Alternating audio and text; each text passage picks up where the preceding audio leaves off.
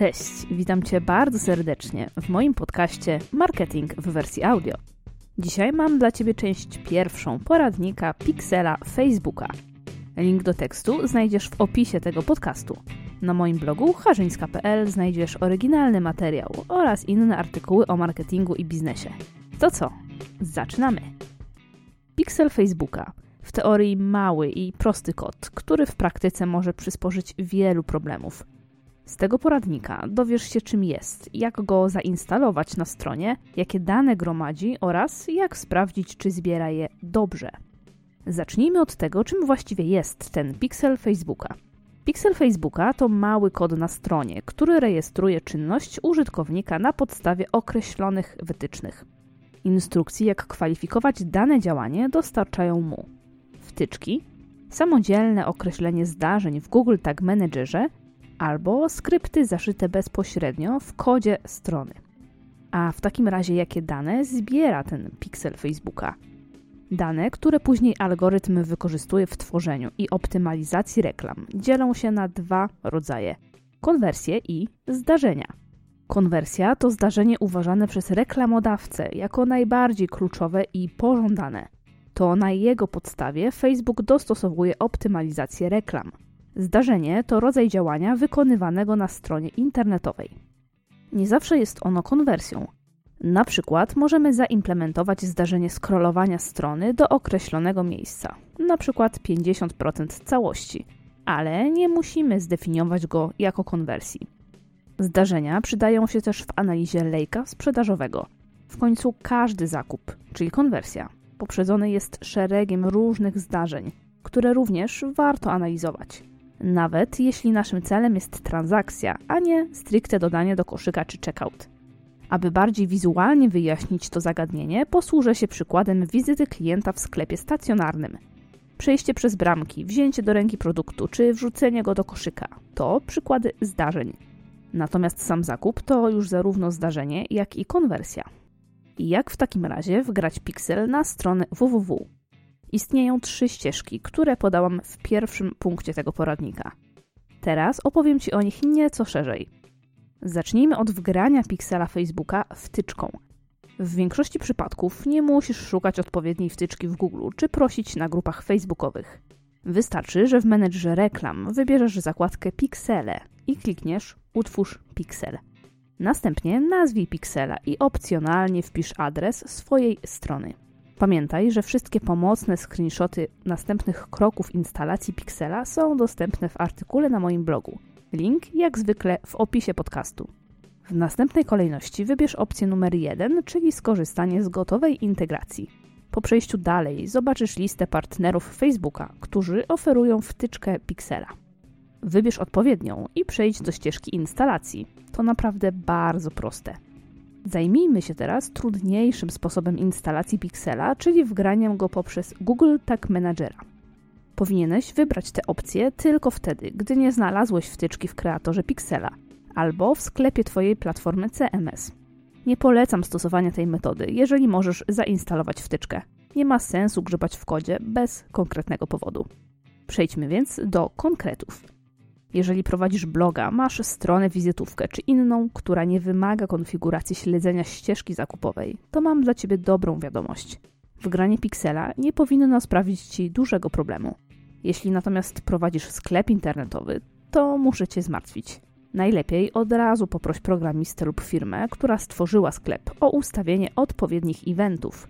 Oszczędzisz sobie mnóstwo nerwów. Zdarzenia podstawowe czyli wyświetlenie strony, zapis do newslettera i tak dalej. Ten artykuł i podcast niestety nie jest kursem Google Tag Managera, więc jeżeli nie masz o nim pojęcia, to bardzo polecam Ci zapoznanie się z jakimkolwiek w pierwszej kolejności. A oto bardzo ogólnikowe wskazówki. Punkt pierwszy. W kreatorze Pixela wybierz Google Tag Managera w oknie wyboru integracji. Punkt drugi. Przejdź przez ścieżkę konfiguracji. Będziesz musiał zalogować się do konta Google, w którym masz konto GTM używane na stronie. Punkt trzeci. Integracja niestety jedyne co robi, to wrzuca standardowy kod Pixela na każdą podstronę. Nie konfiguruje żadnych zdarzeń, ani standardowych, ani niestandardowych. Punkt czwarty.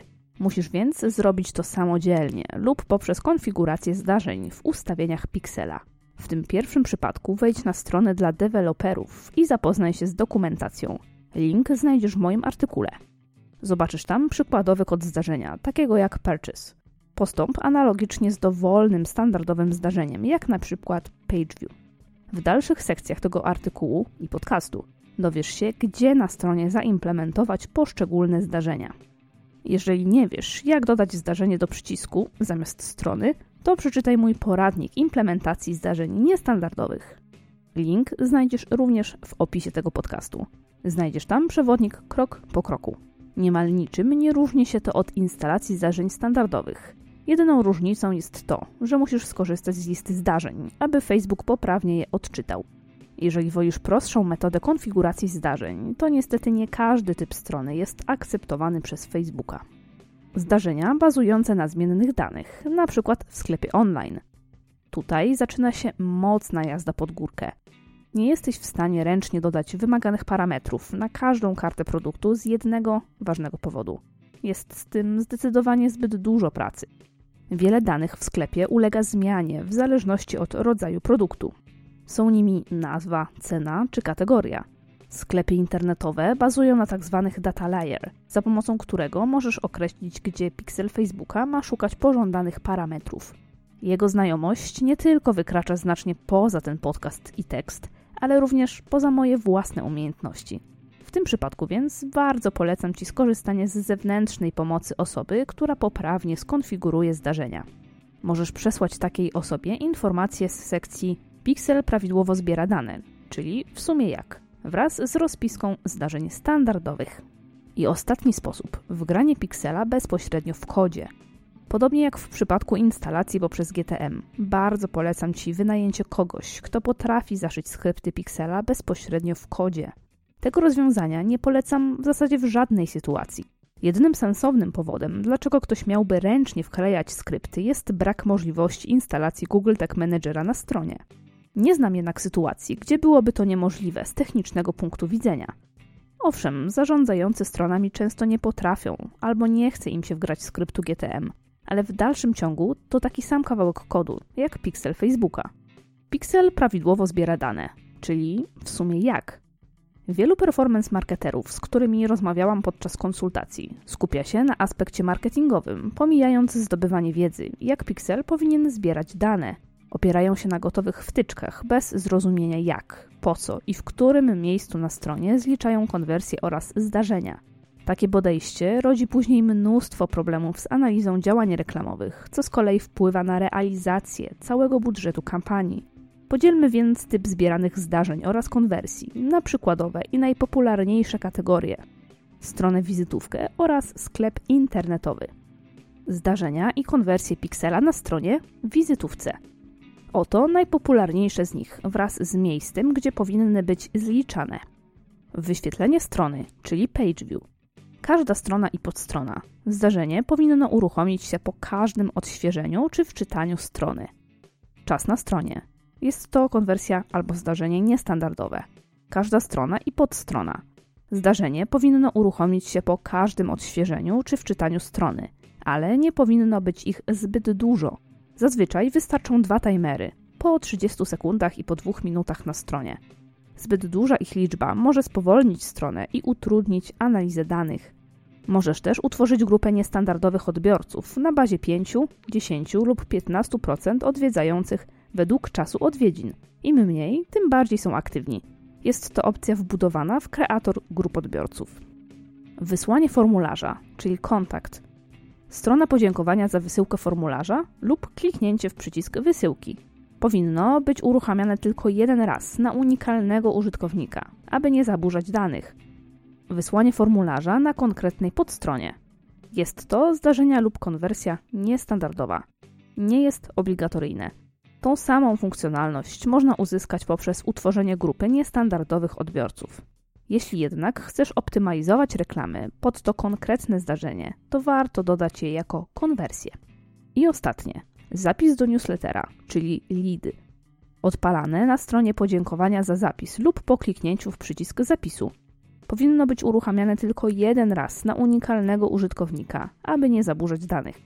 Scrollowanie do określonego momentu strony. Konwersja lub zdarzenie niestandardowe. Zazwyczaj jest to wartość procentowa, np. 20% długości strony. Zdarzenie powinno uruchomić się po każdym odświeżeniu czy wczytaniu strony, ale nie powinno być ich zbyt dużo. Zazwyczaj wystarczy jeden lub dwa, np. po 50% albo po 20% i po 60%. Jeżeli potrzebujesz pomocy w implementacji konwersji niestandardowych, to zajrzyj do mojego poradnika. Link w opisie tego podcastu. Przejdźmy teraz do zdarzeń i konwersji piksela w sklepie online. Wyświetlenie strony, czyli page view. Każda strona i podstrona. Zdarzenie czy konwersja powinno uruchomić się po każdym odświeżeniu czy wczytaniu strony. Wyświetlenie zawartości, czyli view content. Każda strona zawierająca ważne informacje, jak na przykład karta produktu czy landing page. W 99% przypadków dotyczy tylko sklepów online.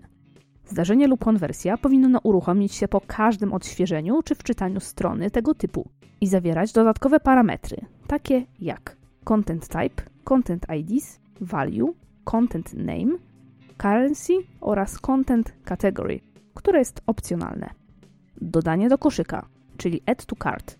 Zdarzenie lub konwersja następująca po kliknięciu w przycisk dodaj do koszyka powinno odpalać się za każdym kliknięciem, ale tylko w jednym miejscu ścieżki zakupowej. Sprawdź, czy zdarzenie nie uruchamia się w momencie wyświetlania pop-upu z informacją o dodanym właśnie produkcie oraz w dalszych etapach zakupu, np. podczas wyświetlenia koszyka, checkoutu itd. Tak zdarzenie lub konwersja powinno zawierać dodatkowe parametry identyczne jak w przypadku View Content. Wyświetlenie koszyka. Zdarzenie lub konwersja niestandardowa możesz w prosty sposób ustawić je jako odpalane w momencie wyświetlenia strony o konkretnym adresie URL, np. twójsklep.pl ukośnik koszyk. Odpowiednie ustawienia znajdziesz w zakładce konwersje niestandardowe albo przeczytaj mój poradnik konwersji niestandardowych. Zainicjowanie przejścia do kasy, czyli Initiate Checkout. Zderzenie lub konwersja następująca po kliknięciu przycisku przejście do kasy lub w momencie wyświetlenia się pierwszego kroku checkoutu nie powinno być uruchamiane w momencie przechodzenia do kolejnych kroków. Jeżeli strona dynamicznie wczytuje nowe kroki bez zmiany adresu URL, to konieczna jest implementacja tego zdarzenia jako kliknięcie linku w baton. Zdarzenie lub konwersja powinno zawierać dodatkowe parametry identyczne jak w przypadku view content lub co najmniej parametry value oraz currency. Żadne z nich jednak nie są obowiązkowe według Facebooka. Zakup, czyli purchase, zdarzenie lub konwersja następująca po kliknięciu przycisku zobowiązania dokonania płatności lub w momencie wyświetlenia się strony z podziękowaniem za zakup. Aby uniknąć problemów ze zliczaniem, warto podpiąć ją pod przycisk zamiast thank you page. W ten sposób nie musimy martwić się, że ktoś, kto dokonał płatności, ale nie wczytał strony z podziękowaniem, nie zostanie zaliczony jako kupujący. Wadą tego rozwiązania jest fakt, że również osoby, którym nie udało się zapłacić, zostaną zaliczone do kupujących. Można jednak nieco obejść ten problem, patrząc na unikalne zakupy zamiast łącznych. W końcu raczej rzadko zdarza się, że na przestrzeni miesiąca ktoś kupuje wielokrotnie w naszym sklepie. Tymczasem liczba nieudanych, czyli powielonych transakcji może sięgać nawet 20 czy 25%. Przetestuj oba rozwiązania na własnym sklepie online. Być może w Twoim przypadku lepszym rozwiązaniem będzie zdarzenie uruchamiane na podziękowaniu za zakup. I ostatnie zdarzenie lub konwersja. Zapis do newslettera, czyli lead. Odpalane na stronie podziękowania za zapis lub po kliknięciu w przycisk zapisu. Powinno być uruchamiane tylko jeden raz na unikalnego użytkownika, aby nie zaburzać danych. Wykaz zdarzeń standardowych akceptowanych przez Facebooka podałam w linku w artykule na moim blogu. Podsumowanie. Instalacja piksela Facebooka w wielu przypadkach może być dziecinnie prosta. Niestety, w równie wielu przysporzy wielu trudności i często nie obędziesz się bez kogoś, kto mocniej zna się na technicznych aspektach stron www. Mimo wszystko warto przejść tę ścieżkę, bo bez facebookowego piksela nie sposób tworzyć skuteczne reklamy oraz mierzyć ich skuteczność. W drugiej części tego poradnika pokażę Ci, jak sprawdzić poprawność instalacji piksela oraz poznasz budowę Pixel Helpera i narzędzia testowanie zdarzeń. Jeżeli nie chcesz przegapić kolejnej części, to zachęcam Cię do zapisu do newslettera. Dodatkowo dostaniesz dostęp do tajnego folderu ze wszystkimi darmowymi materiałami, którymi dzielę się na blogu. Raz w tygodniu przeczytasz też historię behind the scenes mojej blogowej i branżowej działalności. Formularz zapisu znajdziesz na moim blogu na samym końcu artykułu. Dzięki wielkie za przesłuchanie kolejnego odcinka mojego podcastu. Sprawdź pozostałe odcinki tej serii i pamiętaj, by obserwować mnie w dowolnej aplikacji do podcastów, np. Spotify czy iTunes.